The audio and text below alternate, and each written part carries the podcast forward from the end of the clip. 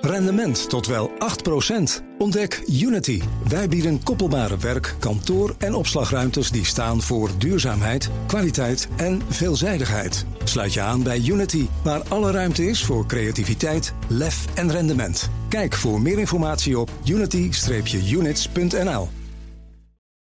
Jij bent je label niet. Achter iedereen schuilt een verhaal. En dat geldt zeker ook voor mensen uit de LHBTI gemeenschap. Wij dragen lessen mee die voor iedereen belangrijk en leerzaam kunnen zijn. Dit gaat verder dan jouw label. Dit gaat om jouw verhaal van de kast naar het podium. Met vandaag de gast Claudia de Brij. Welkom. Dankjewel. Fijn om er te zijn. Ja. Ja, heel erg bedankt dat je, dat je überhaupt mee wilde doen. Ja, nou ja, als ik, als ik één route herken, is het van de kast naar het podium. Ik vond het gewoon een hele leuke insteek. Dus eh, Ja. Nou, dankjewel. We beginnen eigenlijk altijd met eh, dezelfde vraag bij elke gast. Mhm. En dat is, vind je jezelf succesvol? ja.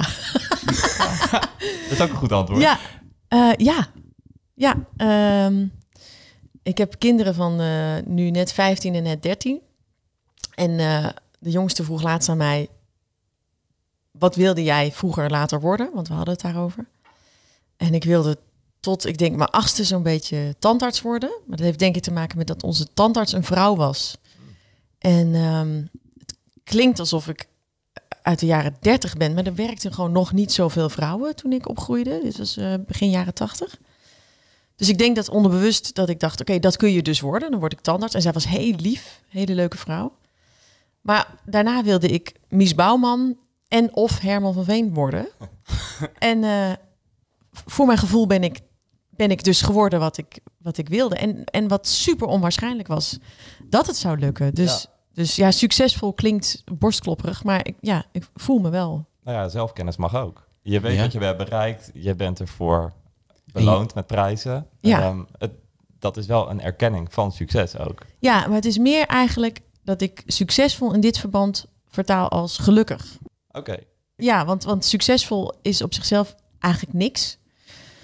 Want eh, weet je wel, geld ehm, maakt je wel degelijk een heel stuk meer ontspannen. Dus dat hele geld maakt niet gelukkig. Dat kunnen mensen alleen maar zeggen met geld. Mhm. Dat is natuurlijk niet helemaal fair. Maar ehm, of je gelukkig, of je gelukkig voelt, zit niet in, eh, weet je, hoeveel verdien ik of welke auto heb ik. Dus, dus dat succesvol zijn, dat zit voor mij heel erg in. Ja, dingen zijn gelukt die ik heel graag wilde. Dus daar, dat voelt succesvol. Ja. Ja. En het uit, eh, uitverkopen van volle zalen natuurlijk. Ja. Ehm, dat is natuurlijk ook een graadmeter van succes. Maar is het dan ook iets dat jou, dat, dat jou gelukkig ook maakt? Omdat je weet dat die mensen komen omdat iets dat jij hebt gemaakt waar je best voor hebt gedaan? Eh, ja, maar het gekke is, ik moet heel erg mijn best doen om, om dat te geloven. Dus eh, ik moet mezelf altijd nog leren als ik opga om te geloven die mensen zijn echt voor mij gekomen. Ik heb echt een keer een beetje op mijn donder gekregen van de inmiddels overleden Paul van Vliet. Die, die had ik een keer verteld dat als ik opkom, dan dacht ik eigenlijk altijd, oh, de zaal zal wel balen. Want alsof ze, alsof ze in de verkeerde zaal zitten. Alsof ze eigenlijk naar iemand anders hadden gewild. Of je ziet ook altijd wel, zeg maar, een vrouw die het niet leuk vindt, maar haar man wel. En andersom, weet je wel. Want ik denk, ja, jij moest mee van haar. Of jij moest mee van hem. Maar het, kut, zit je bij mij, weet je wel. Of als ik opkom en ik zie op de eerste rij mensen zo tegen elkaar praten, dat ik dan denk, oh, die zeggen tegen elkaar, oh, ze is wel dik in het echt. Of zo. Ik, ik, heel veel zelfondermijnende gedachten. Hoe ga je daar dan mee om? Nou, toen zei Paul van Vliet tegen mij van je, dit mag je nooit meer denken. Die mensen hebben allemaal hun best gedaan om daar te zitten. Die willen jou zien. Ehm, maar ik weet het niet. I- iets van die onzekerheid moet je volgens mij ook koesteren. Want volgens mij als je denkt, leuk hè, bij mij, dan ja, ik hoef niet naar iemand te kijken die zelf al denkt, wat een feest dat u bij mij mag zitten. Ga je extra je best doen door die vorm van onzekerheid? Ja, want het is ook, want het is ook die. Als ik er dan vanuit ga, oké, die mensen willen bij mij zitten en dat eh, die vinden het echt tof. Dan nog heb ik die avond heb ik niks aan dat ik eerder iets goed heb gedaan. Ik moet het die avond doen. Maar eh, een volle zaal, dat is het toffe, dat went nooit. Ik, ik, ik denk altijd als ik dan de zaal inkijk van wat lach, ik kijk zo stiekem vaak. En wat ik heel tof vind is dat mijn publiek nu, en dat bedoel ik zonder ironie, dat is zeg maar zaterdag in Ikea. Want iedereen gaat nou wel eens naar de IKEA. Weet je, Ja. alle klassen en alle. En dat is mijn publiek. En daar ben ik heel trots op. Dat het niet alleen maar hetero of alleen maar gay of alleen maar... Het is heel gemeleerd. En, en, en heel, heel veel kijk ik het aan en denk ik, dat, dat die naar mij toe komt. Wat grappig. Ja, dus dat, dat went nooit. Dus zo'n zo'n volle zaal, ja, dat... Ik merk dat ik een beetje eh, eh, eh, bots op het woord succesvol. Maar ja, nee, dat voelt wel helemaal te gek, ja. Dus eigenlijk ben je best wel nederig eigenlijk. Er is een, een uitspraak, die heb ik ooit uit een boek gehaald van Francis Bacon. Dat ging over geloof. Een gelovige die niet twijfelt is een zwijn. Mhm. En ik vind dat ook gelden voor een kunstenaar. Ja, Volgens mij kan je alleen maar kunstenaar zijn als je twijfelt. En moet elke voorstelling denk ik weer van ja, dit wordt of het beste wat er ooit is gemaakt, of dit is het einde van mijn carrière. En anders, ja, anders ha- had je ook ander werk kunnen doen. Dus je neemt wel die risico's. Die moet je nemen. Ja, ja ook omdat ik heel snel verveeld ben. Dus ik kan niet, als ik denk van, oh, dit werkt, dat vinden mensen mooi, laat ik nog eens zoiets doen. Dat, dat kan ik helemaal niet. Vind ik ook niks aan. Daarvoor denk ik ook, we gaan uiteindelijk allemaal relatief heel snel dood. Dus laat je dan zoveel mogelijk verschillende dingen doen en jezelf een beetje laten schrikken. ja, Ja. dat zien we ook. Je bent presentatrice, je bent, eh, je bent een cabaretière, je hebt, je hebt zoveel gedaan eigenlijk. Het Ja. is eigenlijk... Over, iedereen kent jou ook. Ik bedoel, ook in mijn omgeving, ook mensen die Oh, eigenlijk echt? helemaal niet van media zijn of wat Ja. dan ook. Op het moment dat ik zei dat wij jou gingen interviewen, zeiden oh ja, die, die ken ik, dat, dat is een zangeres. Of, Oh, wat eh, grappig. ja, Ik kijk er nu af en toe, dan ben ik heel content dat dan iemand zeg maar van begin twintig naar me toe komt. Maar die zeggen dan altijd, mijn moeder is heel fan van jou. dus daar werk ik nog aan om die generatie over de streep te Nou, trekken. volgens mij ben je best wel goed op weg, want mensen kennen jou, ook al is het via hun ouders. Ze kennen Oh, je wat wel. grappig. Ja. ja, dat vind ik dan wel echt te gek. Vind ik heel leuk. Ja, Maar vooral omdat eh, eh, ik vind het heel leuk dat er zitten mensen van 80 plus in de zaal, maar ook kinderen. En dat, dat vind ik gewoon zelf heel tof. Als je alle generaties een beetje, want je bent het ook allemaal. Ergens ben je ook al nu al het oude mannetje wat Ja. je ooit wordt, en je bent ook nog steeds het kind wat je was. Hey, ehm, we hebben nu al we zijn positief begonnen, ehm, maar op een weg naar succes zitten ook hobbels. Zeker. Ja, Alleen maar eigenlijk. en dat, dat, dat, dat, is natuurlijk eigenlijk ook iets heel goeds. Je hebt Ja. het ook nodig om onder andere je grens te leren kennen. ja. Ehm, en nog niet zo lang geleden heb je bekendgemaakt dat je eh, toen je theatertour hebt gecanceld. Eh, wat was er toen aan de hand? Nou, dat sluit eigenlijk wel aan op waar we het over hebben. Ik ben daar nog steeds een beetje over na aan het denken, omdat ik er. Ik ben er nu zo'n beetje uit aan het komen.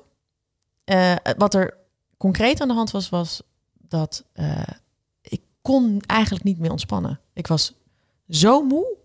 Maar ik had in de aanloop naar die oudejaars, dan slaap ik altijd slecht. En dat is ook niet erg, weet je, want je hebt bijna wat je hebt als je verliefd bent, dat je toch door kan. Want eh, ja, morgen is er weer een zaal en eh, wat ga ik dan eens uitproberen? En, eh, en ik was daarna zo extreem moe, anders dan ik ooit had gevoeld. En, en ik zou dat muziektoertje doen. En het idee was van dat is, dan, dat is dan leuk, want dan kun je nog even lekker een beetje eigenlijk succes oogsten, om maar in dat thema te blijven. Maar zo werkt, zo werkt het niet. Dus ehm, en ik was aan het zoeken naar hoe ontspan ik dan. En ik ging, ging god beter het Lego voor volwassenen kopen. Nou, gratis af te halen, want dat is niks voor mij. Daar werd ik heel, alleen maar heel chagrijnig van. En mijn kinderen zeiden echt, je doet het verkeerd. Dus en dan ging ik weer, en dan ging ik weer eh, wandelen. En ik, ging, ik probeerde alles, maar ik ontspande gewoon niet. En toen eh, zei eh, een goede vriendin van mij, die, die iets ouder, Jannie van der Heijden, die ken je wel, van Heel Holland Bakt Oh ja, ja. vroeg echt aan. Ik was echt een beetje ten einde raad en ik sprak haar. En zij is ook zo'n harde werker en zij kan ook altijd maar door. Hoe doe je dat dan als je er eigenlijk doorheen zit? En toen zei zij tegen mij, als je moe bent is niet erg.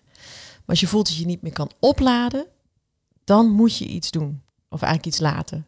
En toen moest ik gelijk huilen. Toen dacht ik, ja, dat is het. Ik kon gewoon niet meer opladen. En, en daarvoor moest ik gewoon echt uitrusten, uitrusten, uitrusten. En heel veel wandelen en brood bakken en eh, wielrennen. En, en ik vind het ook wel fantastisch, want het, het is dus echt een wondermiddel ook, rust. Want in het begin kon, kon niet eens op een klein familiefeestje zijn. En nu, nou, nu sta ik weer bij Beyoncé, zeg maar. Weet je wel, ik weet Ja. prikkels, alles, alles kan weer. Want ik dacht echt even, ik ben het kwijt. Ik kan het niet meer.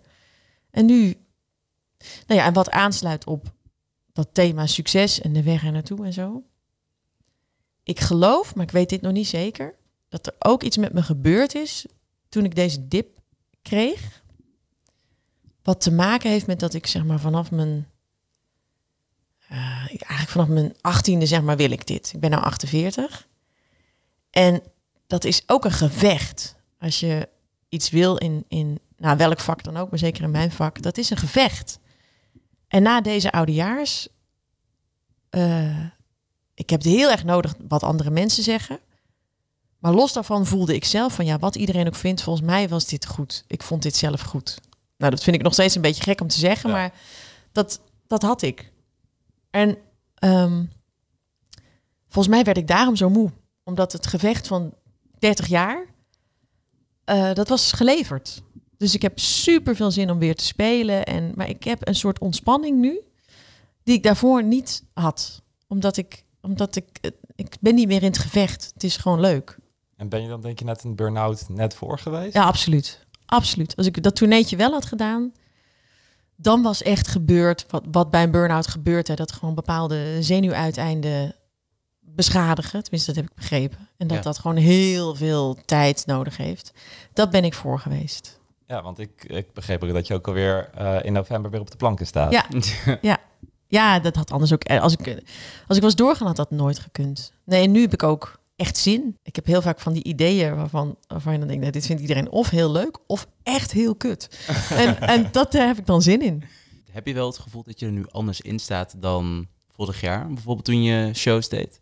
Ja, maar vraag het me als ik weer een oudejaars... Want ik ga ooit wel weer een oudejaars doen natuurlijk. Ja. Um, dat is ook een, dat is iets idioots. Dat is echt, ik had met uh, Pieter van de Hogebrand, de zwemmer, over. Ja. En die zei, je moet dit gaan zien als een Olympisch jaar. En daarna ben je een jaar niks waard. Mm En ja, ik weet niet hoe, hoe, dat voor een Joep of een Dolf Jansen of wie dan ook is. Maar voor mij is dat echt zo. Dat het, ik, ik geef altijd volle bak. Maar normaal begin je zeg maar, in september met try-outen. Dan ga je zo november in première. Ik schrijf dat dan nu iets op. Ga november beginnen en dan maart in première. Maar dat is een beetje het idee. Dus speel je tot eind mei. Dan is de zomer. Nou, en zo is zo'n zo'n cyclus van zo'n tournee. Maar een oudejaars begint in september. En december is je première en gelijk je dernière. Ja. Ja, dat is... En, en ik, wil, ik ben ontzettend perfectionist. Of nou ja, iedereen die dat niet is in ons vak, denk ik ook wegwezen. Je moet, je moet ook een perfectionist zijn. Dus ja, dan... Alles is ondergeschikt. En, en zeker uh, rust nemen voor jezelf. Want ja, bedoel, dan is het nog belangrijker dat ik er voor mijn kinderen ben. Of in mijn relatie dat ik er ben. Dan dat je er voor jezelf bent. Want ja, jij wilt gewoon dat die voorstelling zo goed mogelijk is. Dus zo'n oudejaars, dat moet ik gewoon... Dat zal altijd wel ook een strijd blijven. Van hoe pak ik dat nou zo aan? Dat Ja. ik wel het beste geef, maar ook overeind blijf. Want hoe heb je dat uiteindelijk kunnen combineren met je privéleven? Want het heeft ook invloed gehad natuurlijk op je privéleven. Je, je bijna burn-out, zeg maar, de Ja. klachten die je had. Ja. Hoe, hoe, hoe hebben je kinderen dat ervaren? Of je, je vrouw? Ja, nou, mijn vrouw maakte zich op een gegeven moment echt zorgen. eh, omdat ik het dus niet kon vinden, iets Ja. om te ontspannen. En die had al, weet je, ik had alweer een heel vet keyboard gekocht en zo. Ga ik ook instrumenten kopen. Retail therapy, alles hielp niet. Nee. En, ehm, en die maakte zich echt zorgen toen ik dus... eh, mijn ex was jarig en dat is dan altijd zo, weet je wel, zijn we daar met z'n allen. En dat gewoon zo'n klein knus familiefeestje. En dat ik zei, nou, ik, ik ga, want dan kan ik de jongens op bed leggen. En dat ze echt dan van, ja, maar als jij dit zelfs niet trekt, dan gaat het echt niet goed. En ik zit te denken, ja, de impact dan thuis, dat scheelde. We hebben allebei een vrij beroep. Zij is schrijver, journalist. Historicus ook? Ja, historicus, zeker. Dus wij... Het is niet zo dat het hele huisgezin onderuit ligt als ik dan oververmoeid ben. En de jongens waren wel even... eh, ja, dat is heel lief. Kinderen zijn altijd heel bezorgd om hun ouders. Hè? Ja. En ook weer heel snel niet. Als, dan, als je dan merkt, oké, nou, voorlopig ga je, val je niet dood neer. Dus die waren wel van, is dit dan een burn-out of wat is dit dan? Nou, dan kon ik dat uitleggen. Ja, en volgens mij hoe eerlijker je bent over dat soort dingen, hoe beter het ook is. Dus die, ja, die vinden het vooral wel gezellig dat ik er gewoon heel veel ben. Maar het is wel ook iets wat ik... Ik denk dat ik het in de toekomst alleen dan zonder het oververmoeid raken ook meer zo ga doen. Ja. Dat je gewoon ook als je. eh, ik ben er wel tijdens de pandemie achter gekomen dat ik eigenlijk heel introvert toch nog steeds ben. Mhm. En ik heb een hele extroverte manier gevonden om in de wereld te staan, die ik ook heel fijn vind. Maar daar moet alleen tijd tegenover staan. Want wat is die manier dan? Eh, eigenlijk voor een zaal gaan staan en dat iedereen moet luisteren naar mij. Het is natuurlijk eigenlijk een hele introverte manier van contact maken. Het, is lijkt alsof je zegt hallo. En, en, nou, en ik, ik overdrijf, want je maakt onwijs contact met die zaal op een bepaald niveau. Maar eh, ik merk altijd na de zomer, als ik dan weer ga spelen, dat ik dan denk, oh wat lekker. Ze laten me uitpraten. want dat is privé natuurlijk niet zo. En zeker met een gezin niet. Nee. Dus eh, wat dat betreft is, ik denk dat heel veel mensen die iets in, in showbiz zeg maar zijn gaan doen, eigenlijk introvert zijn. Want het is, het lijkt heel erg contactueel en naar buiten gekeerd. Het is het ook. Maar het is ook heel veilig. Je bent ook een soort. Op dat moment kan niemand iets tegen je zeggen Nee. of iets naars Nee. roepen. Op En dat je moment- telefoon gaat niet. En het is, Helemaal niet in een show van jou. Doe mensen betalen om jou te zien. ja, heerlijk. Ja, ongelooflijk. Ja, je zei net wat over een eh Olympiër, Piet van de Hogeband. Ja. Eh, Dat vond ik eigenlijk wel een mooi moment om ook in te haken. Want in de podcast stellen al onze gasten een vraag aan de volgende. Oké, En de vorige gast was Maartje Pauwme. ja. En zij vroeg dus... Nou, Claudia, mijn, eh, ten eerste trouwens leuk dat je, dat je, dat je ook meedoet. Eh, mijn vraag aan jou is eigenlijk, als jij eh, een topsporter was geweest, in, eh, in welke sport zou jij naar de Olympische Spelen willen? Oh, wat leuk. Wat een leuke vraag.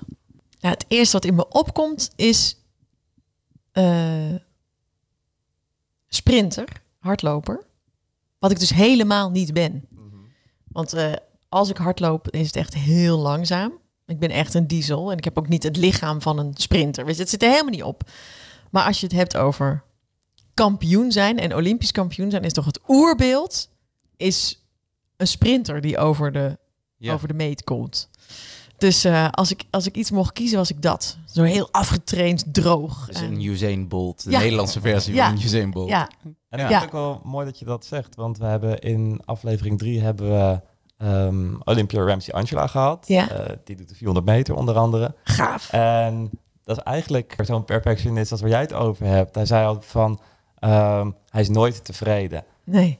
Zilver is nog geen goud. Goud is nog geen eh, Olympisch record of wereldrecord. Hij wil Ja. altijd alleen maar meer. En al heb je dat, dan kan je dat nog steeds beter doen. Ja. En hij is gewoon nooit echt tevreden.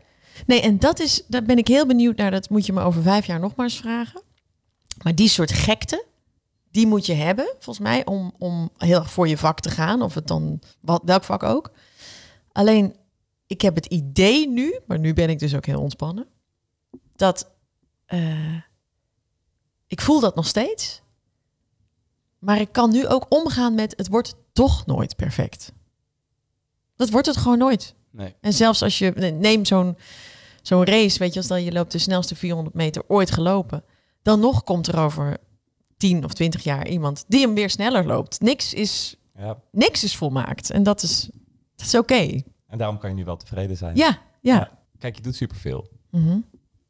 En je gaf aan, je raakt ook snel verveeld. Je moet het misschien ook doen. ja. Maar dat kan ook omslaan in dat je misschien te vaak ja zegt. Ja, daar heb ik wel eh, last van gehad. En Ja. nog wel. Ook omdat... ehm, ja, er is gewoon heel veel zielig. Er is gewoon heel veel ellende. En, en er zijn heel veel mensen die vragen... kan je...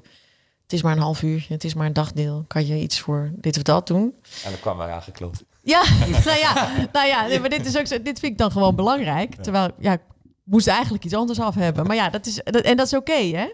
Ook omdat ik heel geloof dat het leven ook zo werkt. Dat je, dat je, eh, je moet ja zeggen tegen dingen. En ook die je niet zelf bedacht hebt. Alleen, dat is wel een, ja, dat is lastig. Daar kan ik, daar kan ik je ook niet het handboek voor schrijven. Want die fout maak ik zelf nog steeds best veel.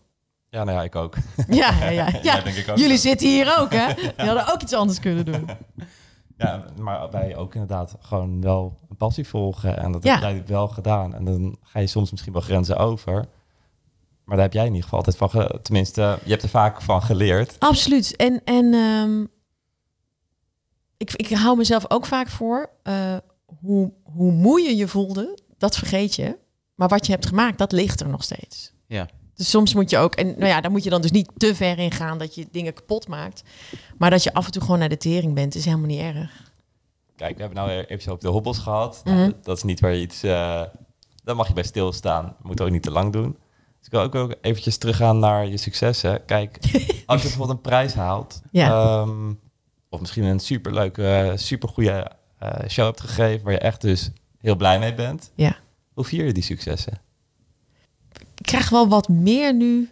ehm, dat ik dan, eh, weet ik veel, eh, een flyer nog zie liggen van de oudejaars of van hier ben ik of zo. Dat ik denk, oh ja, oh ja, dat heb ik toen gedaan. Dat was wel leuk. Maar verder, eigenlijk, als ik eerlijk ben, vier ik mijn successen niet. Ik weet niet hoe je dat moet doen. Ik ben eigenlijk altijd al met het volgende bezig.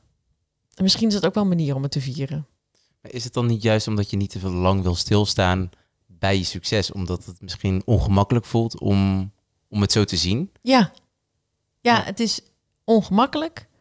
En ik zie zelf altijd gelijk wat ik beter had kunnen doen. Ja, Dus het is voor mij geen tien. nee. En, En- als het geen tien is, dan is Ja. het het niet waard om het te vieren. Nee, en ik had, ik had laatst, eh, liet iemand me dat slot van de oudejaarsconferentie zien met, met Olga Smirnova, met de balletdanseres. En toen, en toen was ik zelf echt heel blij verrast. Want ik dacht, ja, ik vond het gewoon prachtig. Eh, En niet omdat ik het was, maar ja, dat had vooral heel veel met haar te maken. En die muziek en die interactie. En, en toen was ik wel trots dat ik het had bedacht. Maar ik geloof dat ik, misschien vier ik wel op het moment zelf. Ik, ik zit altijd heel erg in het moment.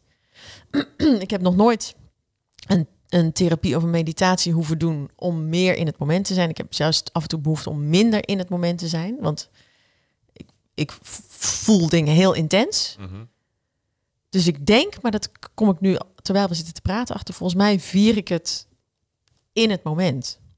Omdat ik gewoon zo te gek vind en me dan zo levend voel. En zo denk, ja, dit is, dit is, dit is nu nooit meer niet gebeurd. Dit gebeurt. Maar wel heel bijzonder dat, dat je dat kan. Want persoonlijk, ik, ik heb er soms echt heel moeite mee om in het moment te zitten Oh ja? van dingen. En dan achteraf dan denk ik van, heb ik, dat, heb ik dat nou echt gedaan? Of was ik daar nou echt? Bijvoorbeeld ook nu dat ik hier met jou zit. Dat ik denk, zijn we haar nou... Straks denk ik waarschijnlijk van, zijn we nou, hebben we nou echt geïnterviewd? Ah, ja, Heb ik daar nou echt gezeten? Ja. Dat, dat, ja, maar dat gevoel ken ik wel. Dat je inderdaad denkt van, was dat nou? Maar ja, nee, ik geloof, nee, ik zit heel vaak, maar dat is een soort, dat is een soort, dat is iets heel raars. Dat had ik als klein kind al. Gewoon heel erg het idee van, we zijn hier niet zo lang. Weet je wel? Ik, eh, niet dat ik de hele dag met mijn sterfelijkheid bezig ben of zo, maar eh, dat gevoel heb ik gewoon altijd gehad. Je bent gewoon hier niet zo lang, dus probeer gewoon, weet je, zoals je op een festival ook zou doen, te denken van ja, maar dan wil ik dat wel even meemaken, dan wil ik daar wel even naartoe en dan, ja, dit is dan eigenlijk te vermoeiend, maar laten we dat dan ook nog even, weet je wel? Zo sta ik een beetje in het leven. Nou, misschien moet ik dat ook maar een keer doen. Nou, met een soort behoedzaamheid is ook, is ook wel iets voor te zeggen. Misschien kan je daar ook een boek over schrijven. En dan, eh, dan heb je in ieder geval één iemand die hem koopt. Met dit soort eh, leven in het moment. Ja. Ja, zo voor na, ja, met, het is net als zeg maar blauwe ogen. Dat, dus ik ben daar gewoon mee, zo ben ik gewoon gebakken. Ik kan, Ja. kan dat eigenlijk niet anders. Maar met eh, een boek erover schrijven. eh, je hebt natuurlijk ook een boek met Amalia geschreven. Ja. Maar ja. met een boek schrijven en eigenlijk alles wat je doet, tenminste de meeste dingen, gaat ook wel een hele planning aan vooraf. Ja. Voor zo'n boek, met- zeker als je met de koninklijke familie zit, Zeker, ja. dan zit er denk ik heel veel druk op. Ja. Eh, hoe, hoe heb je, ben je daarmee omgegaan? Nou, eerst je, je, je opmerking over planning. Ik, ik, ehm, ik denk dat ik... ehm, ik weet het niet, ik heb me nooit laten onderzoeken... maar ik denk dat ik een beetje ADD-achtige persoonlijkheid Dat denk ik ook. ben. Daar hadden we over na. Oh, echt? Ja, ik moet dat misschien toch eens... al is het maar om dat te weten, laten checken. Ik, als herken ik, heel, ik herken heel veel dingen Oh, die ja? jij zegt op, met hoe je met dingen omgaat. Dat ik ja. dat- Oh, ik ja? Ja. Oh, wat interessant. Ja, want ik heb dus ook ik ben een enorme problematische leerling geweest op de middelbare school. En als ik nu zie hoe, hoe mijn kinderen nu worden begeleid in bepaalde dingen en wat voor diagnoses vriendjes en zo krijgen, dan denk ik, oh, maar, oh, maar dan, dan dat, dat was met mij aan de hand, weet je wel. Dus ik heb pas, ik denk rond mijn midden twintig, echt leren plannen. Maar dat kan ik nu wel echt goed. En eh, om ook te zien om zeg maar. Nou, het zijn twee dingen. Die, die planning wordt beter, maar het is ook zo dat ik vroeger soort van alles al op het laatste moment deed. En dan lukte het net. Dus nu denken mensen, omdat dat hebben jullie ook, dingen zijn nu op het laatste moment. Zo, dat is het volwassen Ja. leven. En dan denkt iedereen wat knap dat je dat kan. Terwijl je denkt, ja, ik heb het altijd zo gedaan. Ook toen ik wel de tijd had. En, en concreet met, met Amalia. daar zat inderdaad eh, best tijdsdruk achter. Eh, maar dat was in de pandemie, dus toen had ik ook tijd. Ja. En ik heb uiteindelijk gewoon eh, als een malle in, in Zeeland, mijn ouders hebben daar een huisje, in een week het helemaal uitgeschreven. Ik had natuurlijk alles al wel een beetje grofweg. Ehm, maar dan is het ook gewoon, weet je wel, s'nachts doorschrijven en s ochtends slapen en even langs het strand lopen in zo'n soort roes. Wat eigenlijk ook helemaal niet gezond is, maar wel Maar daar ga je wel lekker op. daar ga ik heel lekker op. Nou ja, hyperfocus is natuurlijk ook zo'n ding. Dat, Ja. eh, ik bedoel, of ik ADD heb of niet, weet ik niet. Maar hyperfocus weet ik wel zeker dat ik die heb. Want zo'n oudejaars is ook volledig op hyperfocus. Mhm. ik, zou niet eens, we- ik zou niet eens weten waar ik woon of, of, of, of hoe mijn opa en oma heten. Maar ik weet wel wat ik aan het doen Ja, maar ben. voor je vakgebied is dat dus zeker met zoiets echt heel sterk juist. Super denk ik. handig. Ja. Ja. Want Ja. is dat dan ook de reden waarom je uiteindelijk hebt besloten om te stoppen met, met je studie? Ja, ik, ik bakte daar niks van, joh. Ik heb, kijk, de middelbare school, ik begon op VWO. Het ging naar de HAVO, het ging naar de MAVO. Ja. En mijn ouders hebben me toen laten testen, want ze wisten, het is geen dom kind, maar er komt niks uit. En toen bleek dat ik eh, qua talen echt tegen hoogbegaafd aan zat, zeg maar. Maar qua wiskunde echt tegen de wiel. Weet je, dat was echt, het contrast was zo ontzettend groot. Dus, eh, en ik, dat, dat kan nu niet meer, want nu moet je wiskunde, hè? welk VMBO-niveau of wat dan ook je doet. Alleen ik kon toen via de MAVO wiskunde laten vallen. Dus ik ben ongeveer de enige persoon nog in Nederland die maar twee jaar wiskunde heeft gehad. Ik weet echt niks. Mijn kinderen lachen mij ook zo uit. Ik kon ze op de basisschool al niet meer helpen. Ik ben echt een, echt een idioot. Maar ehm, eh, even denken, wat was nou je vraag ook alweer? Nou, hoe je dus de, de switch, of ja, de, oh ja, over de stop met studeren. Ja, Nou ja, en ik ging toen algemene letteren doen, want ik was wel super geïnteresseerd altijd in ehm, taal en literatuur en geschiedenis. En nou ja, daar kwam dat een beetje bij elkaar. En daar deed ik ook op de middelbare school wel heel erg mijn best voor. Dus ook te veel lezen voor je lijst en zo. Dat dat, dat dan eh, overdrijven. Ja. Maar ik vond die, die universiteit, ik vond zo saai. Dus ik met zo'n werkgroepje, nou, ik had mijn aandacht er zo niet bij, nooit. Dus nee, ik denk dat dat echt daarmee te Ik moest gewoon iets gaan doen. Toen ben ik radio gaan maken. Ja, want je bent in één keer dus de radiowereld dan ingerold. Ja. Maar hoe heb je dat dan weer voor elkaar gekregen om daarin te rollen? Nou, ik werd, eh, omdat ik, ik deed al cabaret, maar ja, allemaal super marginaal natuurlijk. Ja. En toen werd ik geïnterviewd door iemand van, eh, ik denk toen Stadsomroep Utrecht.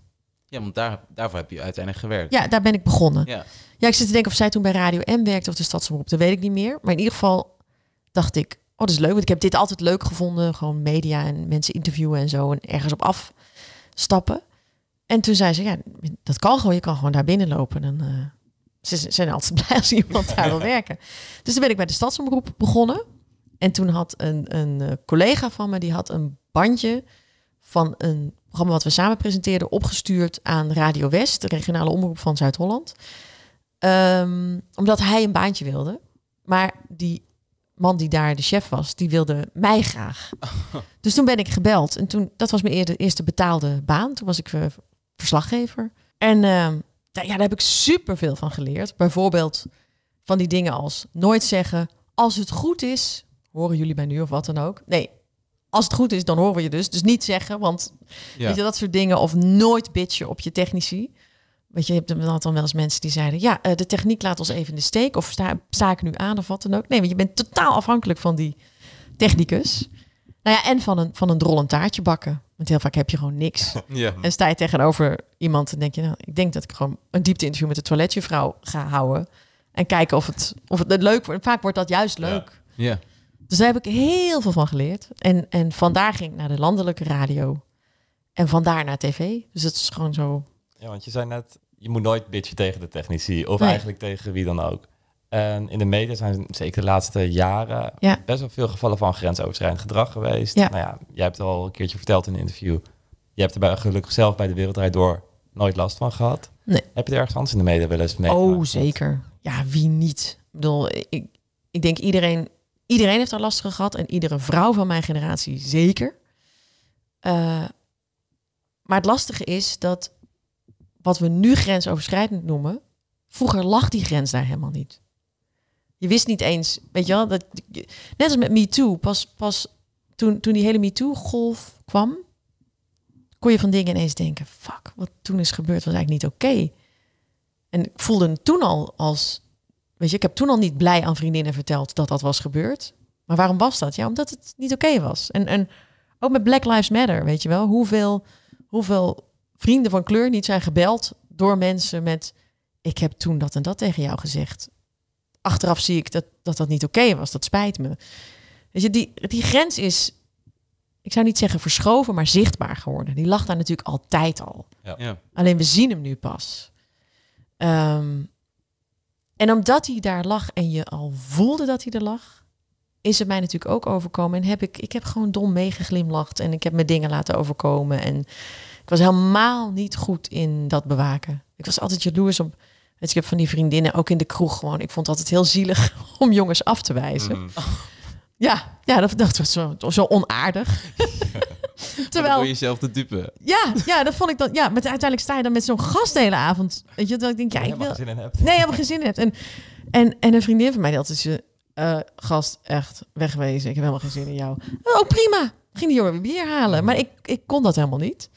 En, en als iemand dan soort van bovengeschikt is, weet je wel, al- alleen al van die verschrikkelijke mannen in die tijd bij de radio, die dan, je, die dan ook verslaggever en die altijd je zo heel erg, en dat is dan niet seksueel beetpakken, maar gewoon dat je denkt, ja, maar ik wil niet worden beetgepakt. Ja. Maar voor ik ging zeggen, ik wil niet door jou worden beetgepakt, denk ik, nou, het is al bijna voorbij.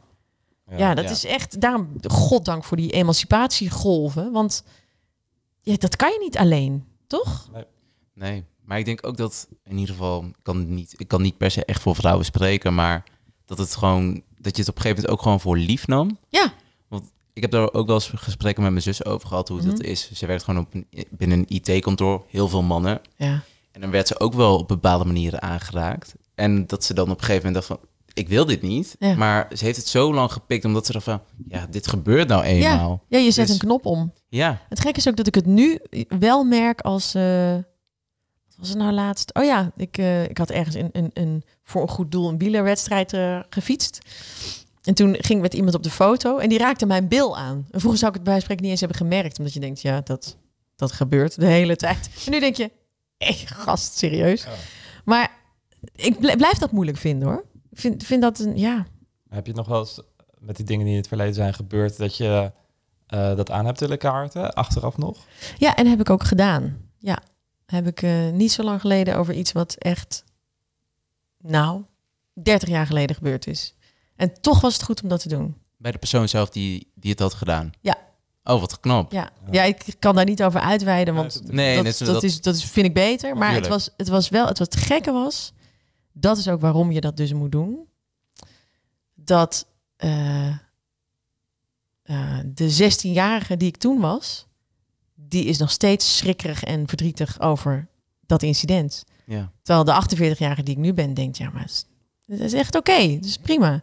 Maar dat zijn echt verschillende dingen. En weet je, het klinkt misschien een beetje therapeutisch, maar het is echt zo. Ik, ik sta daar zelf van te kijken hoeveel het uitmaakt en hoeveel het oplost om dan te zeggen, dit heb je toen gedaan, het heeft dat met mij gedaan. Ja. Ja, heel, heel bizar. En ook Hoe lang reactie je... dan? Wat zei je? Hoe was zo'n reactie dan? Goed genoeg voor mij in ieder geval. Het was voor mij een opluchting en een... eh, Ja, dat bedoelde ik. Ja, nee, nee, het gaf echt, eh, nee, het gaf. Closure, zoals het zo mooi heet. Ja, nou, nee, absoluut. Heel fijn en goed dat je het hebt gedaan dan. Want Ja. voelde dat dan ook alsof je de macht terugpakte van wat er daar zich afspeelde? Ehm, ja, ik geloof niet eens de macht. Eh, ja, misschien ook wel de regie, of hoe wil je dat noemen? Ja, de regie mag Ja, ook hoor. Ja. Ik zit even te denken. Het- ik, ik geloof, nee, want het is niet, je verandert niet wat er is gebeurd. Dus in die zin kun je de macht niet terugpakken. Maar het is eigenlijk dat je, je wilt gewoon van iemand horen, dat was inderdaad niet oké. Ja, Dat is het. Dat is eigenlijk het enige. ja. Oké. Ja, en dat, het verandert, dat verandert niks. Maar waar je dan eerst heel lang denkt, ja, dat zal dan wel aan mij liggen. Of ik zal wel iets hebben gezegd waardoor ik aanleiding gehad, weet ik veel. Mhm. En eigenlijk is dat het. Dat iemand zegt, dat lag aan mij. Nou, en dan, dan, ben je eigenlijk, dan is eigenlijk klaar. Ja, Ja, dat moet je horen. ja. Waar we ook natuurlijk deze podcast gaat over mensen uit eh, onze community, de, Mhm. de LHBTI plus community. Mhm. waar wij maar een klein onderdeel van zijn. Dat is Ja. ook goed om erbij te zeggen. Heb je wel eens te maken gehad met dat je anders werd beoordeeld binnen de media, binnen je carrière, omdat je op vrouwen valt? Ehm, ik denk onderbewust. Ik denk niet. ehm, nee, ik, nou, ik heb bijvoorbeeld wel eens een keer een rare eh, recensie gehad. Toen presenteerde ik eh, live 8, weet je, met een 8. Dat was dan een soort callback. Dat was in 2008 waarschijnlijk dan, denk ik. Callback van, van Live Aid. En toen had ik een paar keer gezegd over, weet ik van Madonna, weet ik wie er allemaal speelde. De, hoe ontzettend mooi die eruit zagen. En daar werd toen een beetje vinnig over geschreven. Oh, Want dat was dan super gay om te doen of zo. Ehm, en dat is zo fout. ja, en dat is zo erg. Maar verder kan ik dat niet zoveel zeggen. Alleen wat, wel, wat ik wel heel erg heb gemerkt... eh, over eigenlijk waar we het net over hadden... dat die, die sfeer van grensoverschrijdend gedrag... die in de jaren negentig en nul veel normaler was... Daar, dat had natuurlijk ook een andere kant. Namelijk dat er door eh, hetero vrouwen en hetero mannen... een bepaald spel werd gespeeld. En dat is ook een leuk spel, weet je wel. Zolang het goed gaat, is dat een heel leuk spel. Ja. Alleen ik zit niet in dat spel. Althans, ik zit wel in dat spel, maar fantasieloze mannen zien dat niet. Snap je wat ik bedoel? Ik denk Ja. dat het ook als gay man geldt dat een leuke vrouw, die zal nog steeds met je flirten. Ook al weten ze, we gaan niet met elkaar naar bed. En dat kan zelfs een serieuze flirt Ja. zijn. Ja. En volgens mij hetero's, nou, domme hetero's snappen dat niet. Nee, ik snap wat je bedoelt. Ja, oh, wat fijn. Ik heb het er nooit snap hier met mannen over gehad. Nee, Ja. ja. nee, klopt. Dat, dat- ik, ik snap dat precies. Ik Ja. ik heb wel een paar hetero vrienden natuurlijk. Mhm. En die snappen dan niet dat ik bij een vriendin eh, mijn arm om haar heen Ja. leg of wat dan ook. Of dat ik haar gewoon extra lang knuffel of wat dan ook. Dan zeggen ze gelijk van, maar is dat, is dat niet een beetje raar of zo? Want je wilt toch verder niks van haar? Nee, klopt. Daarom kan het ook, omdat ze weet, ik, ik bedoel er niks mee. Nee, maar zelfs is het, nou ja, dat is eigenlijk een vraag aan jullie, maar ik weet niet of het voor jullie is. Maar ik, ik vind zelfs de gedachte dat, eh, ook bijvoorbeeld een homoseksuele vriend, maar ik denk op een bepaalde manier vinden wij elkaar leuk, waar Ja. we nooit iets mee gaan doen. Weet je, dat het wat diffuser is. Dat is allemaal niet zo of bi of, of gay of weet je. Nee. Het is een Ja. soort van, ja, ik vind jou een hele leuke, aantrekkelijke man en ik zou het eigenlijk heel leuk vinden als jij mij een aantrekkelijke vrouw vindt. En dat is dat. Dan is dat spel van Ja. oude hoeren leuk. Ja, En, ja, precies. Maar nou ja, dat spel werd eh, bijvoorbeeld bij- BNN heb ik lang gewerkt. Nou, daar had je toen Katja en Bridget. Het waren allemaal gewoon super lekkere wijven. En al die mannetjes die daar werkten, die waren allemaal. Het was echt een soort onrust in het kantoor als zij er waren. Ja. Dus dat spel was gewoon aan de gang. En, en nou, ik had daar toen een tv-baasje aan wie je kon merken van ja, die weet gewoon niet wat hij met mij moet. Want dat, Dat spel... dat spel is er niet Ja. bij hem. Terwijl, eh, ja, dat is echt zo. Daarin onderscheiden zich echt leuke van niet leuke hetero's. Want ik ken genoeg hetero mannen die ook... Weet je, dat, dat idee van dat je elkaar het gevoel geeft van je bent aantrekkelijk of je bent leuk. Dat heeft helemaal niks te maken met gaan wij uiteindelijk met elkaar van bil. Ja. Precies. Weet ik, ik had het toevallig gisteravond met een, met een vriendin over, over hoe je is geleerd ehm, te communiceren. Ja. En eh, hulde aan mijn vader. Want wij zijn super serieus genomen. Ook door mijn moeder, uiteraard. Maar ik hoor meer van vaders waarbij dat een beetje is blijven steken dan, dan, dan moeders. Ja. En ehm, ja, ja dat, dat heeft hij gewoon heel goed gedaan. En ook een soort van oké zijn met een vrouwelijke kant. En ja, dus ik, dus ik, ik, ik kwam daar pas heel laat achter dat dat een issue is bij mannen. Hoe Ik- gaat het dan met je kinderen? Hoe doe je dat dan in de opvoeding? Ben je, sta je er juist bewust bij stil? Of gaat het automatisch? Nou, ik, ik, heb, ik heb bij hen eh, wat zij aan een soort van eh, macho gedrag laten zien. Dat omarm ik heel erg, omdat ik denk, je hebt allemaal moeders. Eh, dit is ook een kant en die moet er ook mogen zijn, weet je wel. En zeker, ik vind ook met opgroeien, ehm, ik denk altijd, weet je wel, smaak krijg je later wel. Als jij er net zo uit wilt zien als iedereen, prima. Want het, puberteit is gewoon, vond ik echt de hel. ja, En eh, dat is het ook. ja, toch? Ja. Dus, en ik vind al dat zij het supergoed doen en humor hebben en leuke vrienden hebben. Dus dat gaat heel goed. Maar, ehm, dus ik ben niet bewust bezig met hen op een bepaalde manier naar vrouwen te willen laten kijken of naar mannelijkheid. Omdat we dat al zo voorleven, weet je wel. Ze- Ik hoef hen niet te zeggen, een vrouw kan ook kostwinner zijn, hoor. Ja. Of eh, je kan ook evenveel doen in het huishouden als je partner, hoor. Want dat is hun leven. Ja. En het enige wat ik wel eigenlijk echt laat liggen. Ik dacht dat ik ga jongens dan ook jong leren koken. En dat. Dat doe ik helemaal niet. Ja, ik probeer het wel. Maar vanmorgen nog, dat eh, onze oudste, die kwam naar beneden. nu toetsweek, dus dan uitslapen. Ja. En ik zei, ik ga douchen, dus maak je even zelf wat te eten. En toen zei Jessica, nee, ik maak wel even wat. En hij, oh, oké, prima. En dat is echt eigenlijk, hoe, weet je, hoe, mijn, hoe mijn vader nog eens opgevoed door mijn oma. Ja. Maar dat is ook wel een soort zwakke plek. Dat je denkt, ah jongen, ik doe dat wel even. Maar dat is ook wel een beetje een, ja, gewoon ouder zijn, toch? Ja, dat is ook zo. Ja, Want Mijn moeder was precies hetzelfde. Dan, ja, ik, ik weet het ook niet Ja. anders. Als ik dan iets wilde pakken of iets zelf wilde maken, was van, ik doe het wel. maar deed ze dat ook bij je zusje? Nee. Nee, kijk. Ja, dat, dat, dat er is, dus een wel. ding met ja. moeders en zonen, waar ik me dus ook schuldig aan maak. en ik weet niet, ik heb geen dochter, dus misschien zou ik het voor haar ook doen. Ja. Maar er is een soort blinde vlek van in, in moederliefde dat je denkt, ah jongen. Ze zullen niks te klagen hebben. Nee, nee, nee, nee, nee. Nee, het zijn, het zijn wel gelukkig ook zorgzame, lieve jongens. Dus eh, Hey, ik wilde ook nog even terugkomen op ehm, het boek met Amalia dat je hebt Ja. geschreven. Ehm, en dan juist iets dat ik zelf, ja, om maar zo te zeggen, fucked up vind. Ik zag best wel wat reacties ook op internet van...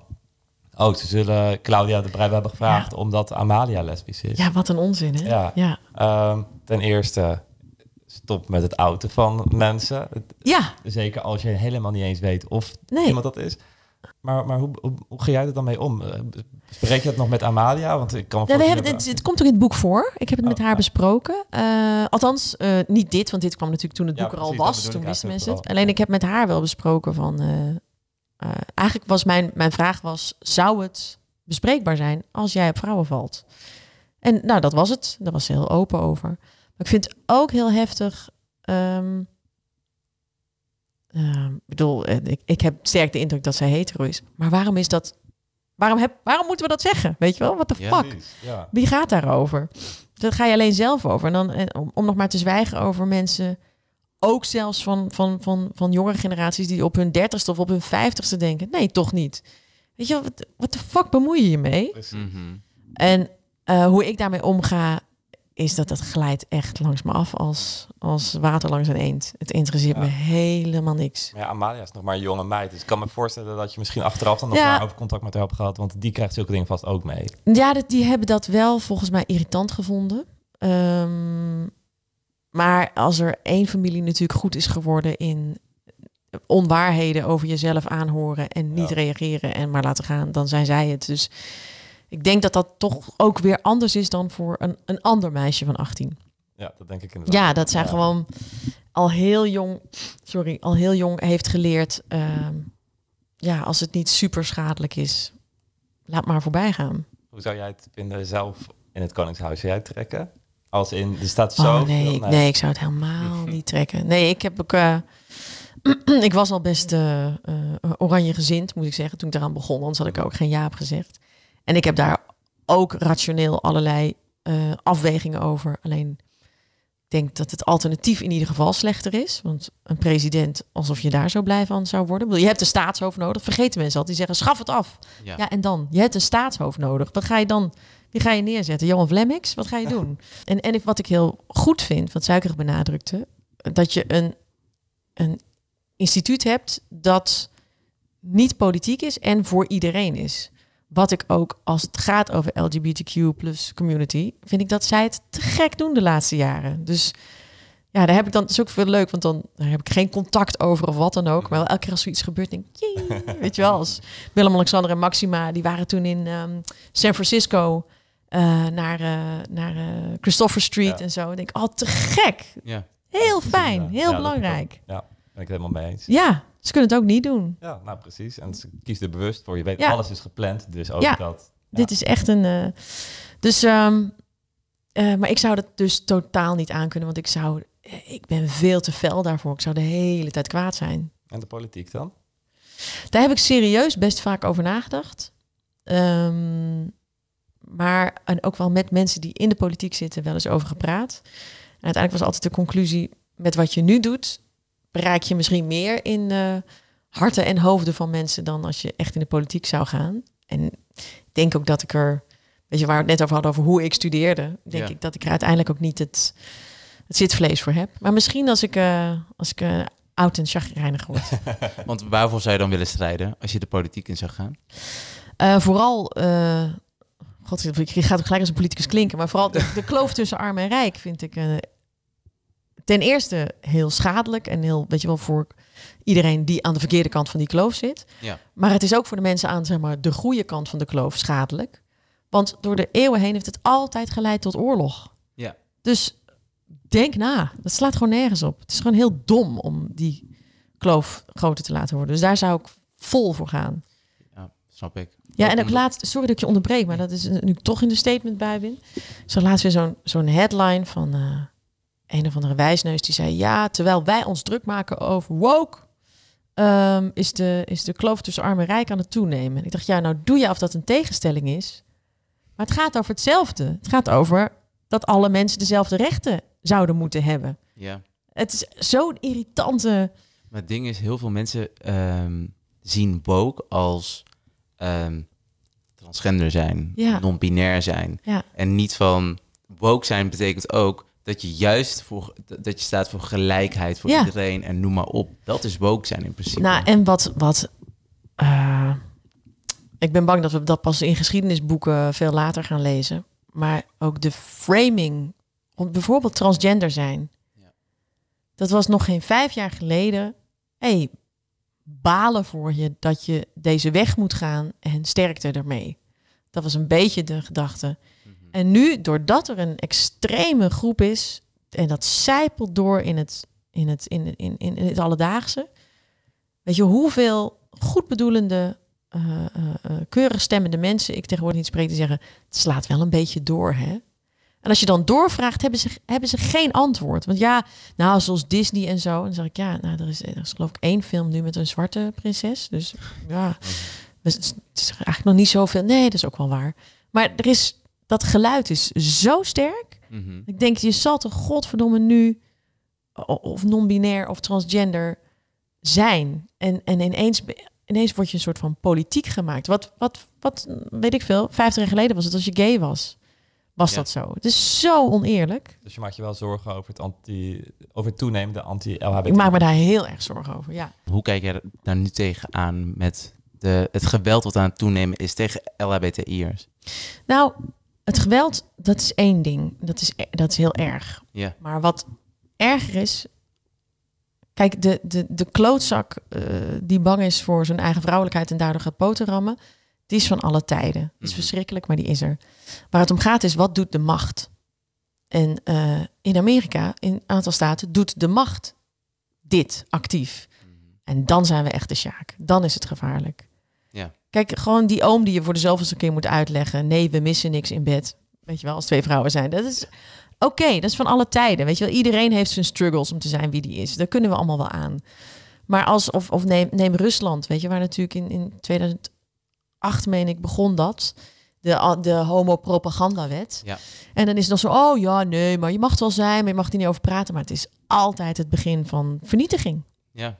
Ja, want inderdaad, wat je zei, in Amerika gaat het echt in een aantal staten echt heel erg ver. Ja, Ehm, ben je dan ook bang dat zoiets over kan slaan naar aan Nederland? ja zeker. Neem nou eh, die idiotie rond abortus die je in Amerika hebt. En er loopt, lopen hier ieder jaar meer mensen bij de Mars voor het Leven. Ja. Dat is een hele sterke lobby. En er lopen ook hele keurige, brave, lieve kerkgangers bij... die, die zo bij jou en mij zouden waken als we, als we stervende zijn. Maar ze lopen er wel. Mhm. Dus het is, het is, een, het is een heel erg... Het is heel goed georganiseerd. Mhm. Ik, ben, ik krijg kippenvel van. Ik word zo kwaad van dat. Ook in, in mijn lesbische community, weet je wel, zit een soort, soort eh, trans-exclusive eh, radical feminism hoekje. En ik heb daar ook wel eens een paar dingen over gezien, ja. En Ja. Daar, daar ben ik dus wel een paar keer van geschrokken. En dat- omdat je hebt op YouTube heb je een, ja, het heet Jubilee. Maar zij interviewen verschillende groepen mensen. En die zetten ze dan tegenover elkaar en dan moeten ze hun mening geven. Mhm.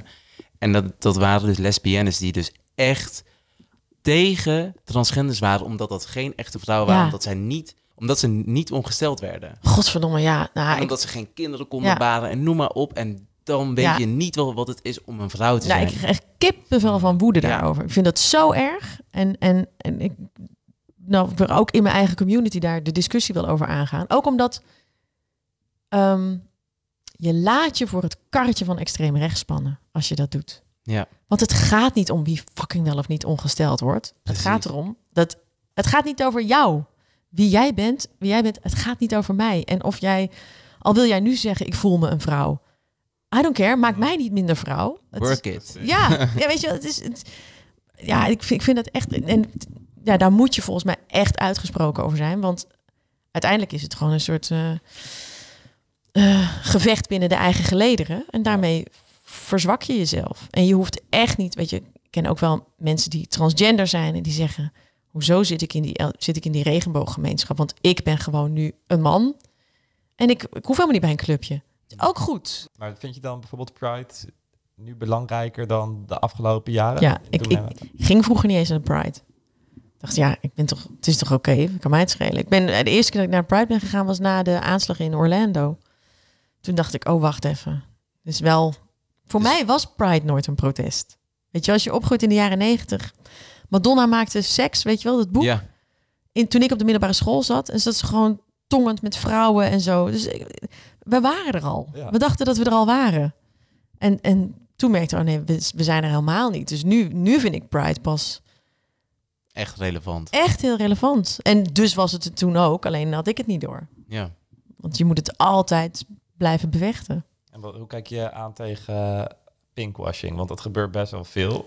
Hou je daar actief rekening mee als je in zee gaat met een bedrijf? Of Ja, ik ga nooit met bedrijven in zee. Ik ga met niemand in zee. Ik heb maar geen... een uitgever of een Oh, zo. Ja, dat bedoel ik. Ja, ik heb het nooit aan de hand gehad, maar ik ben over pinkwashing dus vrij mild. Want ik denk, zolang het voor bedrijven lucratief is om oké te zijn met onze community, gaat het goed met onze community. Want Ja. waar het, waar het geld rolt, dat is waar de macht zit. Dus eh, als die denken, we hangen een regenboogvlag op, prima, is een goed teken. Maakt mij geen zak uit. Als, bedoel, als de rest van het jaar, stel, stel, stel een bank hangt een pridevlag op en de rest van het jaar sluiten ze homoseksuelen uit van een hypotheek. Ja, dat is echt pinkwashing. Maar verder ja, heb ik daar dus niet zo'n probleem mee. Omdat ik denk, als jij wilt vlaggen met onze community, dan hangen er meer vlaggen. En ook, en ook niet als eh, een Coca-Cola bijvoorbeeld heel inclusief is in Nederland, Mhm. maar in het buitenland bijvoorbeeld echt anti-homo-wetten gewoon Echt? sponsort. Bij Oh ja? spreken. Nee, nee, nee. Oh, Dus stel dat, ja. Stel dat. Ja, daar, nou ja, daar heb ik bij de KNVB heel erg over zitten bitchen. Ja. Ehm, want we doen hier allemaal eh, heel ingewikkeld over die, eh, over die eh, Pride-band, deze, de eh, One Love. ja. Maar zo gauw we fucking Qatar zegt, eh, liever niet, dan trekken we onze keutel in. Daar ben ik wel heel fel op, ja. Ja, dat is Ja. heel laf. Ja, heel erg laf. En vooral ook, laf maakt niet uit, hè. Wat ik bedoel, dat heeft, dat heeft op zichzelf geen gevolgen. Maar de redenatie was, ja, we zijn dan met, met een klein clubje uit Europa... dat hiervoor op de bres springt en de rest van de wereld is anders. Ja, en wij worden zoals de rest van de wereld... tenzij je je mond open doet. Dan kan de rest van de wereld worden zoals jij. Hey, ik denk dat ze nog heel lang kunnen doorpraten. Ja, ik denk het ook wel. We moeten nog iets doen met ons leven verder, hè? Ja, eh, dankjewel voor je openhartig gesprek. Graag En gedaan. Ik denk dat een heleboel mensen jou al volgen op social media, maar zo niet, waar kunnen ze je volgen? Eh, ik zit meestal eigenlijk op Instagram tegenwoordig. Dus eh, gewoon uh, Claudia de Brij. Nou, dat is goed te doen. en eh, ons kunnen jullie ook volgen. Dat kunnen jullie doen op TikTok en Instagram. van de kast naar het podium. En zien jullie ons volgende week weer. En dan hebben we drag queen Envy Peru te gast. Ken je Envy? Weet je wie het Nee. is? Nee, ja, volgens mij ken ik haar wel, maar niet persoonlijk. Ja, Envy komt eh, out of drag bij ons als Boris. Maar of je een vraag hebt, Ja, ik heb wel een vraag. Er zit een beetje een verhaaltje bij. dat mag. Eh, ik zat na de Pride vorig jaar in de trein terug met een groepje vriendinnen. En eh, toen zag ik een jongen en ehm, in drag, niet zo, ja, zo'n beetje wat je tegenwoordig ook wel vaak ziet, zo niet super in drag, maar een beetje tussenin, weet je wel, maar wel duidelijk in vrouwenkleren. Ja. En, ehm, en dan heb je zo'n moment van dat je uit de Pride steeds verder van de Pride weg bent en dus steeds verder in de gewone wereld komt. En toen kwamen we aan op Utrecht Centraal en ik zag hem, ik zag zijn spanning toenemen toen hij de trein uit moest lopen. En ik zocht oogcontact omdat ik, we hadden het al met elkaar over gehad, we gaan anders wel om hem heen lopen. Oh, wat Weet lief. je wel? Ja, maar ja, omdat je denkt van ja, er is, weet je wel, dan ben je pas stoer als je dat, als je dat doet. Dat is. Ja. En, eh, maar ik kreeg geen oogcontact met hem, omdat hij natuurlijk al lang eh, op de knop stond van ik moet gewoon door. Ja. Dus ehm, ehm, mijn vraag zou zijn: heeft hij dat zelf ooit meegemaakt? En wat helpt? Hoe zou je als omgeving kunnen zorgen van... eh, want ik weet zeker als we nou, met een stuk of, een stuk of acht oude lesbies... als wij er omheen lopen, gaat je echt niks gebeuren. maar ik kreeg gewoon de kans niet. En ik dacht ook, van, ja, ik moet hem ook niet, moet dat ook niet nu gaan forceren. Maar ik moet er nog wel eens aan denken. Ik denk, ja, je wilt dan er een beetje zijn voor, voor elkaar. Ja. Nou ja, A, is dat nodig? Misschien is het wel, nee, dat is helemaal niet nodig. En, en B, hoe kan je dat doen? Vind ik een mooie vraag. Dankjewel. Dankjewel. Doei. Ciao. Doei, doei. Rendement tot wel 8%. Ontdek Unity. Wij bieden koppelbare werk, kantoor en opslagruimtes die staan voor duurzaamheid, kwaliteit en veelzijdigheid. Sluit je aan bij Unity, waar alle ruimte is voor creativiteit, lef en rendement. Kijk voor meer informatie op unity-units.nl.